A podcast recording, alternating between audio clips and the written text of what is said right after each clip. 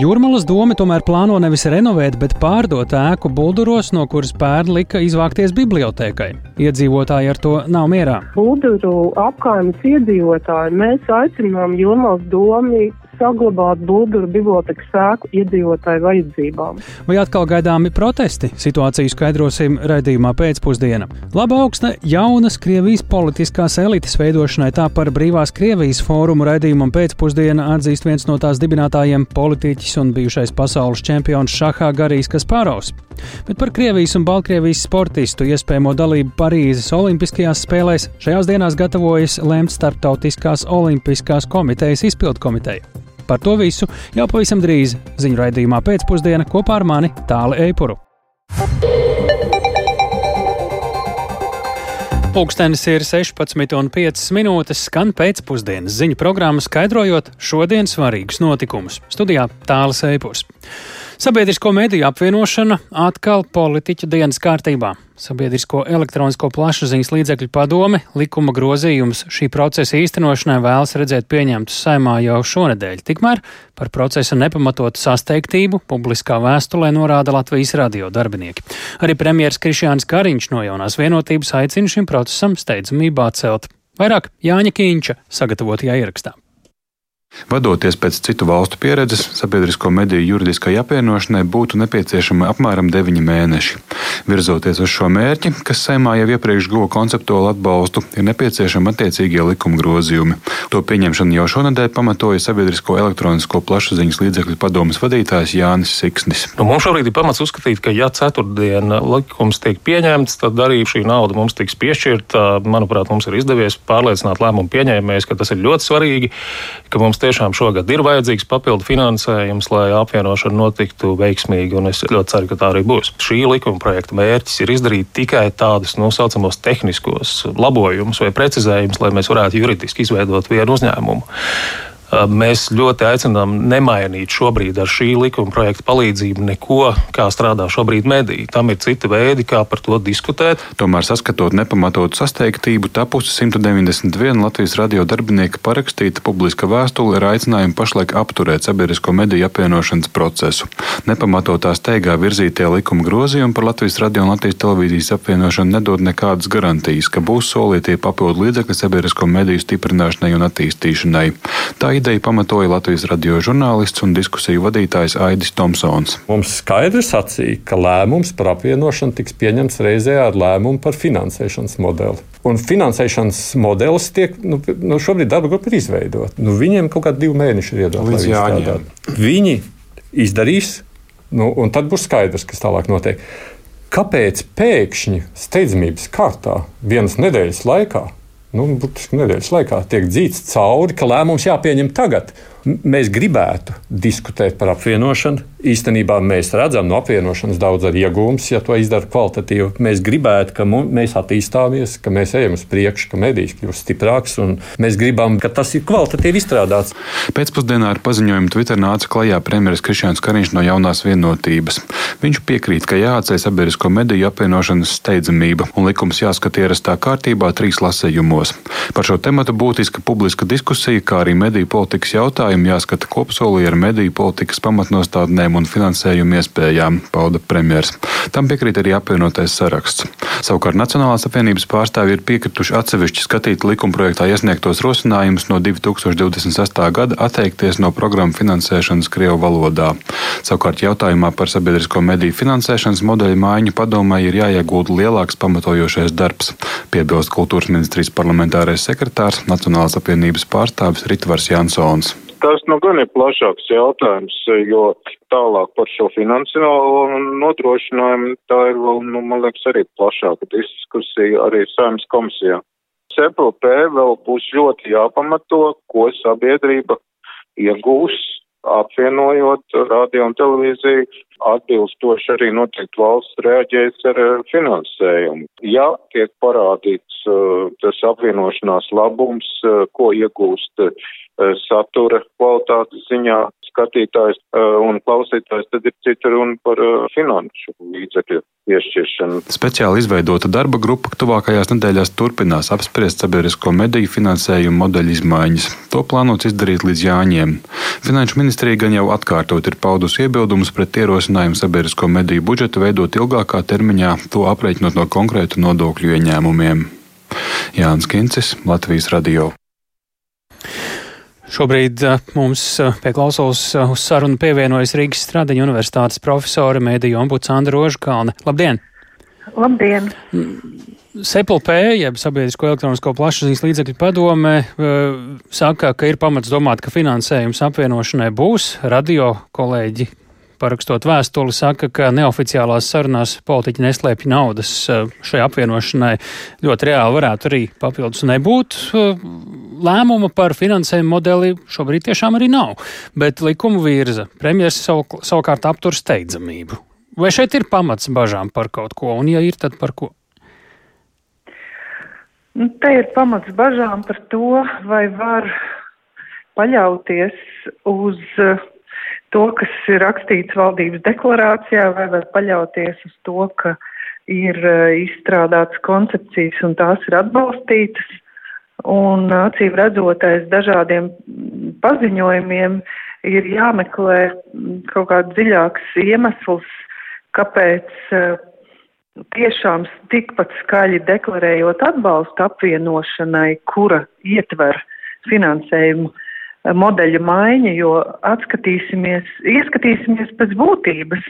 Apvienošanās un vis, visas koncepcijas, kas, uh, respektīvi divas koncepcijas, kas izveidotas saistībā ar apvienošanu un finansēšanas modeļu maiņu, ir uh, savstarpēji uh, tātad atkarīgas, un tās ir paredzētas, lai stiprinātu sabiedrisko mēdīju un, ve, un palielinātu tā neatkarību no politiskiem lēmumiem. Un es šeit redzu to risku, ka acīm redzot, nu, vēlēšanās palielināt sabiedrisko mēdīju neatkarību, kas ietver uh, finansējumu no nodokļiem, no nodokļu daļas, nevis kā valsts budžeta piešķīruma acīm redzot, nu, nav, nav, nav gatavība pieņemt to lēmumu, tāpēc ir šādi iegansti, jo, nu, es arī gribētu teikt, ka mm, likuma grozījumi, kas tiek apturēti, tur ir divas daļas. Vien, viena ir šī tehniskā daļa un viena ir tiešām jāpiekrīt jaunie grozījumi, kas nebija izdiskutēti un kas bija politiķi iesniegti un kas tiešām neatiecas uz, uz apvienošanās procesu, bet, bet tika pievienoti. Un premjera pēkšņā reakcija, uh, kas nav biežs gadījums šajā reizē, kur viņš aicina šo steidzamību atlikt un uh, to skatīt kopā ar mediju politiku finansējumu, kā tā vērtējama? Nu, tā man arī liekas ļoti mūsinoša, jo mm, paša valdības deklarācijā ir atbalsts apvienošanai un mediju politikas dokumenta veidošana ir, ir ilgusi. Iznāk izpildītais likums, tas, kas bija paredzēts pieņemot jauno sabiedrisko mediju un to pārvaldības likumu, šos pārējais noteikums, un tas arī nu, netiek pildīts, lai gan visi priekšdarbi tam ir veikti. Nu, tāpēc tāda ātrā atteikšanās, nu, var saprast, no vienas puses tiešām vienā paketē bija salikti gan uh, atbalstīti un izdiskutēti grozījumi, kas ir šie tehniskie grozījumi, un jaunas idejas, kā vēl varētu mainīt likumu. Nu, Jā. Sakām paldies Andai Rožkalnē Rīgas Stradi universitātes profesorei, mediju ombūdām, laikā, kad informatīvā telpa nav tā stabilākā mūsu reģionā, kad stabili sabiedriskie mediji būtu īpaši vērtīgi. Mediju eksperti Rīgas Stradi universitātes docētāji Ilva Skulta pie mūsu klausulas. Labdien! Labdien! Kā jūs redzat eh, tos priekšlikumus, idejas, eh, kuras arī Rožkauns kundze pieminēja? Eh, šajā gadījumā tie ir par mazākumu tautību, tā skaitā Krievu valodas satura ierobežošanu, un kā norāda radio kolēģi vēstulē, faktiski tas tūkojams kā Latvijas radio 4 doma laukums likvidācija. Nu, es domāju, ka šajā gadījumā mums būtu jārūpējās par to, lai tiešām viss pārmaiņas likumos notiktu caurspīdīgi, un tas nevienmēr nozīmē lēnāku darbību, bet tieši caurspīdīgi sakārtot un racionāli argumentētu darbību. Un, ja mēs runājam par um, argumentiem pret uh, uh, dažādu ne Eiropas valodu uh, un tajā veidot ordinālu saturu, tad, manuprāt, uh, iebildums par nacionālo drošību šeit būtu uh, drīzāk jārūpēs par to, lai varētu uzturēt tādu kaut kādu sakarīgu diskusiju, kurā mēs spējam nevis izveidot kaut kādu informācijas geto, bet uh, parūpēties par sarunu ar cilvēkiem, kas dzīvo mums līdzās, lai mēs varētu arī noturēties pret uh, uh, Krievijas propagandu. Šobrīd jūs un, redzat to? Jā. Jā, un es gribētu arī paturpināt, varbūt, kas nav visai populārs viedoklis, bet uh, pirmkārt, es domāju, ka šeit uh, derētu padomāt arī par mēdīpratību un to, ka šādi mēdīpratības pamati ir vajadzīgi, lai šāda diskusija vispār par mēdījiem sabiedrībā varētu būt uzturēta un arī, lai varētu varbūt pārskatīt tās finansēšanas formas, tāpēc, ka es domāju, ka politiķi vislielāk, visvairāk varbūt uh, nevēlas par mm, tādiem risinājumiem, kā piemēram finansēšana no nodokļiem runāt tieši tādēļ, ka uzskatu, ka tas nebūs populārs sabiedrībā, un sabiedrība savukārt ne īsti saprot, kāda ir atšķirība starp komerciāliem un uh, sabiedriskajiem mēdījiem, un, un kāda ir vispār sabiedrisko mēdīju loma. Uh, līdz ar to es domāju, ka šeit visu iesaistīto pušu uh, lielāka izglītošana par šiem jautājumiem un pilnīgi skaidrs arī mēdī politikas nostādnes varētu šo situāciju risināt pavisam citā veidā un citā gaismā. Stāsts arī par visu mediju politiku un koncepciju, kas iet kopā roku rokā ar izglītības sistēmu. Jā. Tā skaitā. Lielas paldies Ilvai Skultē, mediju ekspertē Rīgas Stradiņa universitātes docētājai. Programmā pēcpusdienā dodamies pie mūsu nākamā stāsta. Laba augsne ārzemēs dzīvojošās Krievijas politiskās elit elites veidošanai, lai tā virzītos priekšplānā, kad Putina režīms sabruks. Tā par lielākās Krievijas opozīcijas platformas Brīvās Krievijas fórums saka viens no tās dibinātājiem politiķis, kādreiz pasaules čempions šahā Garīs Kaspāros. Fóruma dalībnieki aizvadītajās brīvdienās bija pulcējušies uz pretkara konferenci Rīgā. Kolēģei Ievai Puķei izdevās parunāt ar Garīgu Kaspārovu. Brīvās Krievijas fórumu Garīs Kasparovs un viņa padomnieks Ivans Jutrins Viļņā dibināja jau 2016. gadā. Pieprasot izbeigt Putina diktatūru, atjaunot Ukrainas teritoriālo integritāti un atbrīvot visas Krievijas okupētās teritorijas. Tālāk 2023. gadā Krievijas ģenerālprokuratūra to atzina par nevēlamu organizāciju. Līdz šim notikuši jau 11 brīvās Krievijas fórumi. Garīs Kasparovs, kurš sevi dēvē par Krievijas politiķi, pulcina līdzīgus opozicionārus, ko vieno brīvās Krievijas ideja. Un kopš Ukrainas kara sākuma ir organizējis arī jau četras pretkara konferences.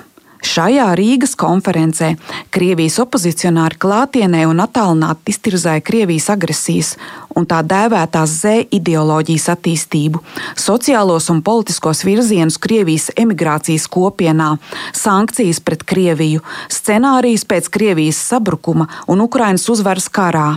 Lūk, kā Garīs Kasparovs Latvijas radio komentēja konferences rezultātus. Mēs uzskatījām par svarīgu šo konferenci sarīkot Rīgā, jo tā ir ļoti liela Krievu kopiena, kuras noskaņojums, runājot diplomātiski, nav viennozīmīgs. Mums likās, ka ir būtiski paust mūsu viedokli, sniegt intervijas. Tās mēs adresējam šai auditorijai, kam ir jādzird cits viedoklis, ko piedāvā radikālā Krievijas opozīcija, kas uzstājas ar atbalstu Ukrainai pret Krīmas aneksiju. Liekas, esam jau sasnieguši rezultātu, esam iekustinājuši stāvošo ūdeni. Un, protams, katra tāda konference ļauj izstrādāt kopēju pozīciju. Politiskajai Krievijas emigrācijai ir nepieciešama vienota pozīcija. Šobrīd tās domstarpības, kas mums pašiem bija ar cilvēkiem, kuri negribēja atzīt Ukrainas suverenitāti Krimā, nebija pārliecināti par parlamentāras republikas nepieciešamību Krievijā, šīs nesaskaņas gan jau ir pagātnē. Kasparovs skaidroja, brīvās Krievijas fórums ir laba augsne tam, lai varētu apvienot ārzemēs nonākušos Krievijas pilsoņus, kuru skaits nu jau mērams simtos tūkstošu, un kuri varētu kļūt par tādu kā rezervuāru nākotnes Krievijas politiskās elites veidošanai kas izvirzīsies priekšplānā, kad Putina režīms sabruks. Nu, Vai konferencē runātais tiešām sasniegs arī tos cilvēkus Latvijā, kas vēl ir proputiniski noskaņoti?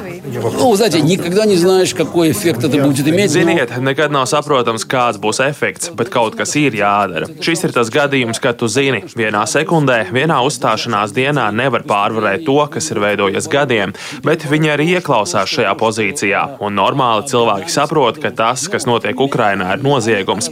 Vismaz Latvijā mēs varam sabiedrisko domu par dažiem grādiem izkustināt pareizajā virzienā. Garīs Kasparovs solīja, ka konferences materiālus dažādos veidos izplatīs krievalodīgajā informācijas telpā.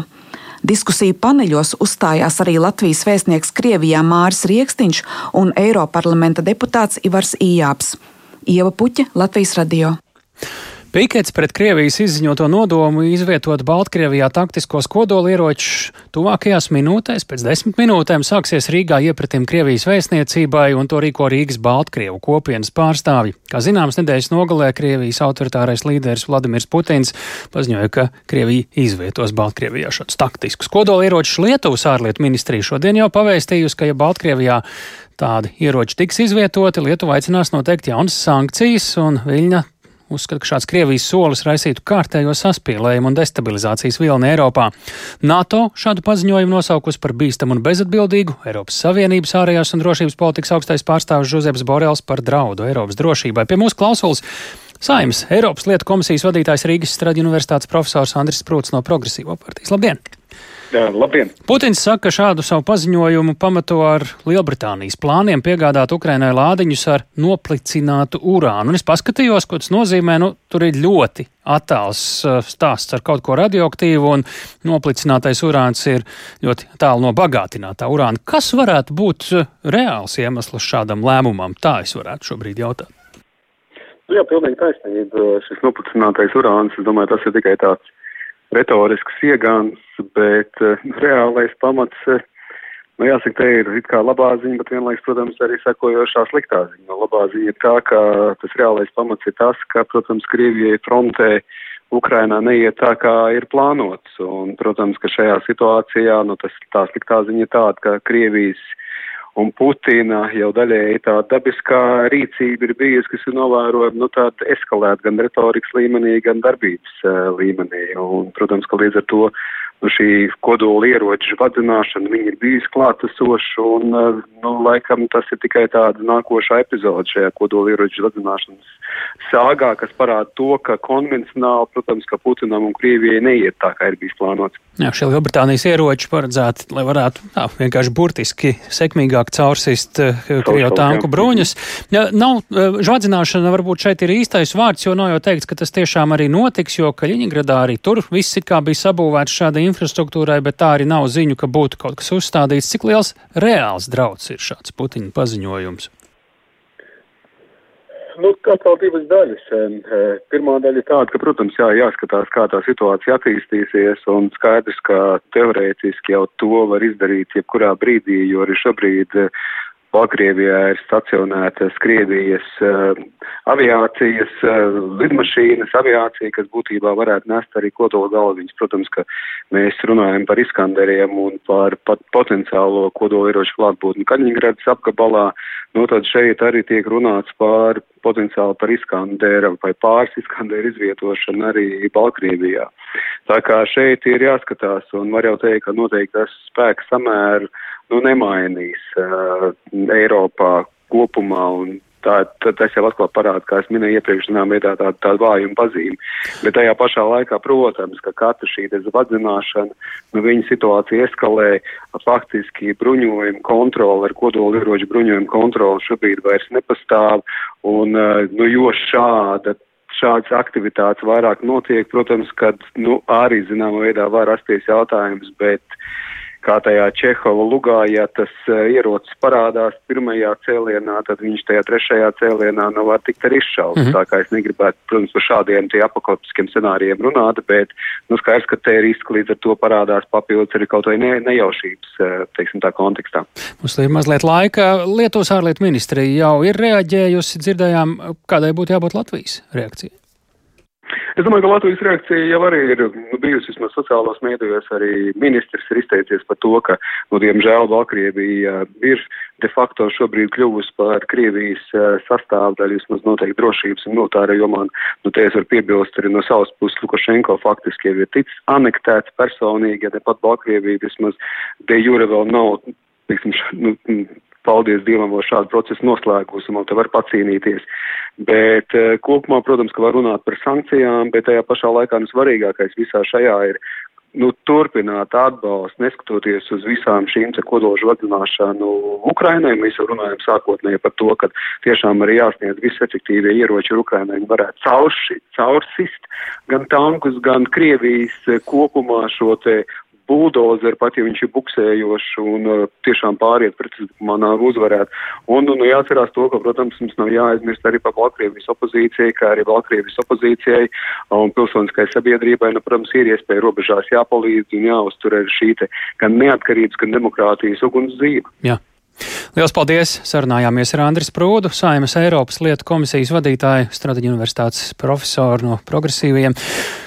Koru skatē šeit pat Latvijā kori ar ļoti augstu vērtējumu tomēr nevirza tālāk uz koru kariem.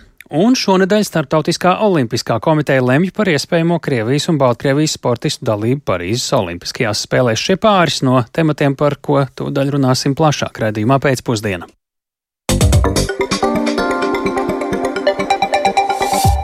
Jūrmālas doma plāno pārdot Bulduru bibliotēkas ēku. Tāds uh, lēmuma projekts uh, tomēr domas ceturtdienas sēdes darbkārtībā ir iekļauts, un iedzīvotājus šāds priekšlikums neapmierina. Jāatgādina, ka augustā pašvaldība lēma Bulduru bibliotēku pārvietot uz Jūrmālas teātra telpām, lai racionālāk izmantot ēkas. Toreiz pašvaldība gan skaidroja, ka bibliotēku nelikvidēs, bet renovēs un telpas pielāgos pakalpojumu sniegšanai. Taču tagad domas ir mainījušās par labu telpu pārdošanai. Par to plašāk Lindas Spundeņas ierakstā.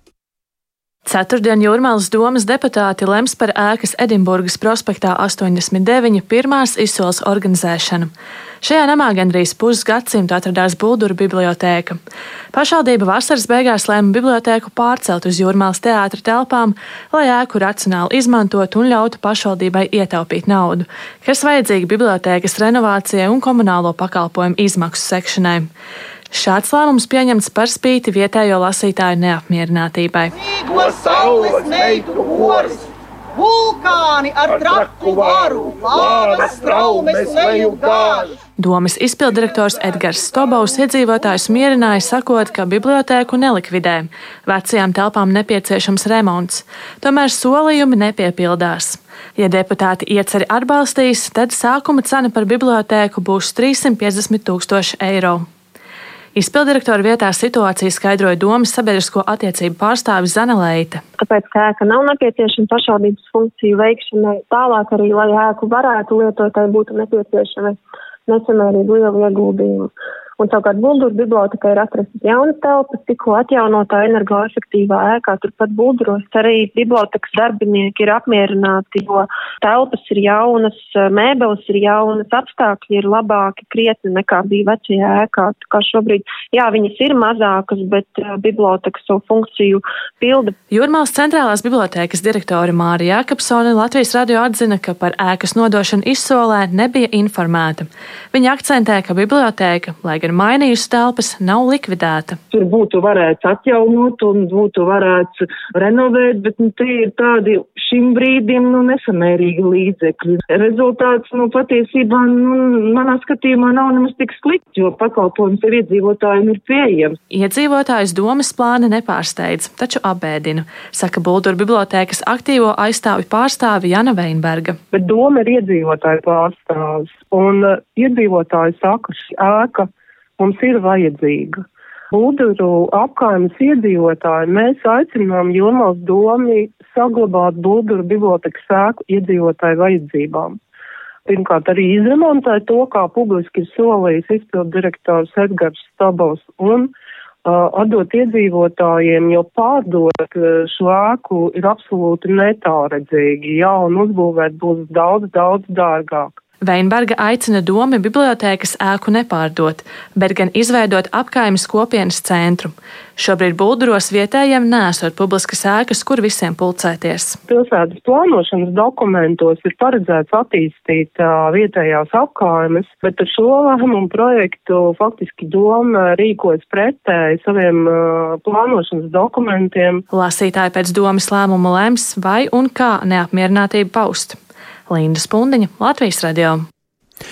Nepatīkamu pārsteigumu koru skatē vakar piedzīvojis Rīgas projektu koris. Lai gan tam piešķirts ļoti augsts vērtējums, žūrija izlēmusi to nevirzīt tālāk uz koru kariem, bet gan vērtēt ārpus konkursa. Šis lēmums paziņots pēc skates un pamatots ar to, ka šī kolektīva skanējums ir nevis vājš, bet tieši otrādi - pārāk profesionāls. Dziesmu svētku biedrības valdes priekšsēdis Instete Roskis to sauc par pārpratumu un komunikācijas kļūdu. Plašāk Zanes Eniņas ierakstā. Sesdien sākās koru skates, lai dalībai dziesmu svētkos atlasītu visspēcīgākos kolektīvus. Svētdien Latvijas Universitātes lielajā aulā notika Rīgas jaukto koru skates. Tajās piedalījās arī Rīgas projektu koris. Žūrī, kurā darbojas diriģenti Romāns Vanaks, Gins Ceplinieks, Instete Rauskis, Mārtiņš Klišāns un Jānis Baltiņš, konkrētajā grupā šim korim piešķīra 47,67 punktus no maksimāli iespējamiem 50. Parastā kārtība būtu tāda, ka korim piešķir vērtējumam atbilstīgu kategoriju, šajā gadījumā augstāko pakāpi, un to virza tālāk uz koru kariem. Taču šoreiz pakāpe nav piešķirta, ar piebildi, ka sniegums skatē vērtēs ārpus konkursa. Viena no Rīgas projektu kora dziedātājām, Kristīna Zvirbula, kura deleģēta runāt visa kolektīva vārdā, pauda, ka šāds iznākums visiem 50 kora dalībniekiem bijis ārkārtīgi nepatīkams pārsteigums. Pēc skates kora vadībai notikusi apspriede ar žūriju, un šis lēmums esot pamatots ar to, ka koris atšķiras no citiem - ar darbības formu, ar veidu, kādā notiek mēģinājumi un tam līdzīgi. Taču šie argumenti koristiem nešķiet pamatoti. Turpina Kristīna Zvirbule. Tās nav par to, ka mums šausmīgi gribas izcīnīt kādu vietu, bet drīzāk par to, ka mēs esam uh, pilnvērtīgi dziesmu svētku dalībnieki. Kāpēc mēs kāds vēlas padarīt mūs par kaut kādu savādāku, īpašāku, tikai tāpēc, ka mēs nemēģinam tā kā citi vai tā kā ir ierasts. Dalībnieki uzsver, Rīgas projekta kurs nav dibināts, lai piedalītos dziesmu svētkos, tas pastāv jau piecus gadus. Daudzi tā dalībnieki agrāk bijuši populāri un ļoti augstu vērtētu jauniešu koru dalībnieki - kamēr, sola, balsis. Kori izveidojas un vada amerikāņu kordiriģents Kristofers Volšs Sinka. Kolektīvs nesaņem pašvaldības vai valsts finansējumu, taču tam ir aktīva koncerta darbība un plašs repertuārs. Mēģinājuma grafiks pielāgots faktam, ka vairākums dalībnieku ir ģimenes cilvēki, bet tieši darbības formāts tam neļaujot iekļauties dziesmu svētku tradīcijā, pauda diriģents Inns Teterovskis, uzsvērdams, ka izsakās kā dziesmu svētku biedrības priekšsēdis, nevis žūrijas loceklis. Šeit arī tā būtiskākā lieta jau ir tā, ka nu, dziesmu svētki ir ikdienas mēģinājuma process. Tas ir regulāri tiekās, mēģina, un uh, projekta koris arī var kļūt mierīgi par tādu kori. Vienīgais te ir tā atšķirība. Citos koros agrāk lielākā daļa dziedājuši labi dziedātāji, jo vienkārši nu, ikdienas dziesmu svētku kora grafiks ir diezgan noslogots, un tas laiks, ko investē katrs amatieru kora dziedātājs tajā dziesmu svētku procesu uzturēšanā, ikdienas mēģinājumos un koncertos ir, protams, lielāks nekā varbūt šādam projektu korim. Pēc Inteta Terauska vārdiem un līdzīgu informāciju sniedz arī žūrijas loceklis diriģents Romāns Vanaks, Rīgas projektu kora vadība pieteikusi dalību dziesmu svētkos ar novēlošanos, kad vairāki sagatavošanās posmi jau bijuši nokavēti. Tāpēc bijusi gatava iztikt bez dalības koru karos. Esot nolemts korim šādu iespēju dot. Laikam kolektīva līderi par to nesot informējuši dalībniekus, tā ka notikušajā pārpratumā vainojama nepilnīga komunikācija.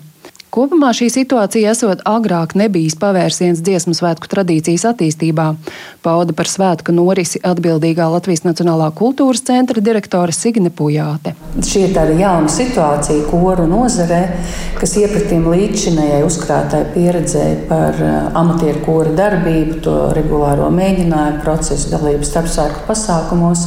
Šis ir jauns piedāvājums, kad koris eh, ir eh, mākslinieciski spēcīgs un viņš var izvēlēties izvēlēties cita veida instrumentus, nu, kā sagatavot savu sniegumu un iekļauties kopīgā procesā, kas šajā gadījumā ir dziesmu un deju svētku tradīcija. Atturēdamās vērtēt, kuram šajā gadījumā taisnība, korim vai žūrijai, Latvijas Nacionālā kultūras centra direktori izteicās, ka uzklausīs abas puses. Savukārt Romāns Vanaks aicināja kora vadību izrunāties ar dziedātājiem. Zana Eniņa, Latvijas radio. Visā Vācijā šodien gandrīz pilnībā paralizēta tālsatiksmes vilcienu un lidmašīnu satiksme. Arotbiedrības pieprasa celt satiksmes nozares darbinieku algu vismaz par 11%, lai tā kompensētu inflāciju un vispārējo dzīves dārdzību. Lidmašīnas šodien izlido tikai no Berlīnas lidostas, visas pārējās Vācijā ir slēgtas. Rīt kārtējie protesti ir gaidāmi Francijā. Tādēļ mūsu korespondents Arčuns Konuhaus ar grūtībām ir tikko ieradies Parīzē. Ar viņu tagad esam sazinājušies tiešraidē. Labdien, Arčuns! Vispirms, kur tu šobrīd atrodies un vai vispār vari pilnvērtīgi runāt, jo pirms brīža vēl sēdēji ilgstoši tādā stāvošā vilcienā? Jā, tik tiešām labdien, klausītāji, labdien tālu. Esmu knapi, knapi ieradies Parīzē ar vairāk nekā trīs stundu nokavēšanos. Tā ir saistīta daļai, varētu teikt, ar Vācijas protestiem un daļai, protams, arī ar tehniskām grūtībām, kas ir šeit bijušas Francijā, ugunsgrēks. Bet nu, tas parādīja, ka šīs, šie vilcieni arī, kas ir starptautiskie vilcieni, ja viņiem būtu bijis jāsāk braukt no Vācijas ar Beļģiju un tālāk uz Franciju, tad tas viss ir atcelts. Un, šobrīd jā, tā kustība ir, bet nu, viņi ir apgrūtināti. Nu, jā. Par protestiem Vācijā runājot. Es dzirdu, laikam, tev tur vēl vilciena stācijas trokšņa fonā. Kas tiem ir kopīgs ar to, kas pēdējā laikā notiek Francijā? Jā, tik tiešām es atrodos stacijā uz perona. Un, eh, ja mēs runājam par tām lietām, kas ir kopīgas, tad, protams, jāsaka, no vienas puses eh, šie protesti ir atšķirīgi tādā ziņā, ka viņi ir katrs par uh, savu tematu. Vienā pusē ir pensiju reforma, otrā pusē ir dzīves dārdzība un kopīgie uh, inflācija un šie rādītāji. Bet tam kopīgs, protams, ir cilvēku neapmierinātība ar to, kas notiek ar, ar dzīvi, un viņa prasa no valsts tomēr lielāku iesaistu iesaisti un darba devējiem lielāka iesaisti, un viņi nav apmierināti vai no ar samaksu, vai no ar uh, to, ka viņiem būs ilgāk jāstrādā. Tad, tad ar kopējiem dzīves apstākļiem es tā varētu izteikties. Un tiešām Vācijā šie protesti ir ārkārtīgi masveidīgi. Nav uh, gandrīz nekādu avio reisu, tikai no Berlīnas uzlido lidmašīnas.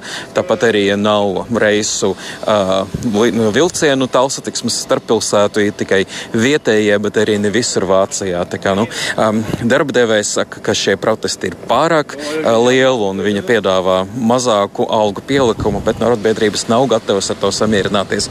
Un šobrīd uh, turpinās līdz ar to protesti jāskatās, kā sarunas Vācijā notik, norisināsies, jo citās nozarēs algu pieaugumu nesen ir izdevies gūt, varbūt ne tik lielu, bet tomēr ir izdevies gūt. Tāli. Jā, ja mēs eh, vēlreiz atgriežamies Francijā, tad eh, šodien arī parādījās informācija, ka protestētāji pat varētu būt ielauzušies Luvrā. Kas par šo ir zināms? Par šo ir, ir diezgan pretrunīga informācija. No vienas puses tiek ziņots, ka tiešām protestētāji ir ienākuši arī Luvras vestibilā un ir protestējuši tur. Savukārt citur tiek rakstīts, ka viņi protestē pie šī muzeja. Tomēr, jebkurā gadījumā tas apstiprina tādu tendenci, kas šobrīd ir Francijā, ka protesti notiek arī pie izglītības iestādēm, ka protesti notiek pie dažādām valsts iestādēm, mēģinot paralizēt to darbu, bloķēt ieeju. Un šādi tas tiek izpausts. Bet nu, skatīsimies rīt, kāda būs eh, šie protesti. Par to noteikti ziņošu vairāk gan no rīta, gan arī dienas laikā Latvijas radio etrā. Paldies Arķimam Konohovam no dzelzceļa stācijas Parīzē, kur pamatīgi kavējas vilcieni. Un Arķims stāstīja arī par to, kā Vācijā šobrīd eh, streiku dēļ ir apstājusies avio satiksme tā skaitā. Parīze kā mērķis eh, arī mūsu nākamajai sarunai. Startautiskās olimpiskās komitejas eh, izpildu komiteja rīt Šveicē spriedīs arī par iespējamo Krievijas un Baltkrievijas sportistu dalību Parīzes olimpiskajās spēlēs pēc gada. Sanāksme ritēs līdz pat ceturtdienai, bet, lai par šo tēmu runātu plašāk, mums studijā ir sporta ziņu kolēģis Māris Bergs. Māri, ko no līdzinājā var saprast, vai Startautiskā olimpiskā komiteja joprojām saglabā nostāju, kas neizslēdz abu agresoru valstu sportistu startēšanu Parīzē. Sveiks. Jā, sveiks, tālāk sveicināt klausītāji. Visi izteikumi pēdējo nedēļu laikā liecina, ka SOK saglabā šo nostāju, lai Krievijas un Baltkrievijas sportistiem eh, būtu iespēja piedalīties Olimpiskajās spēlēs neitrālā statusā.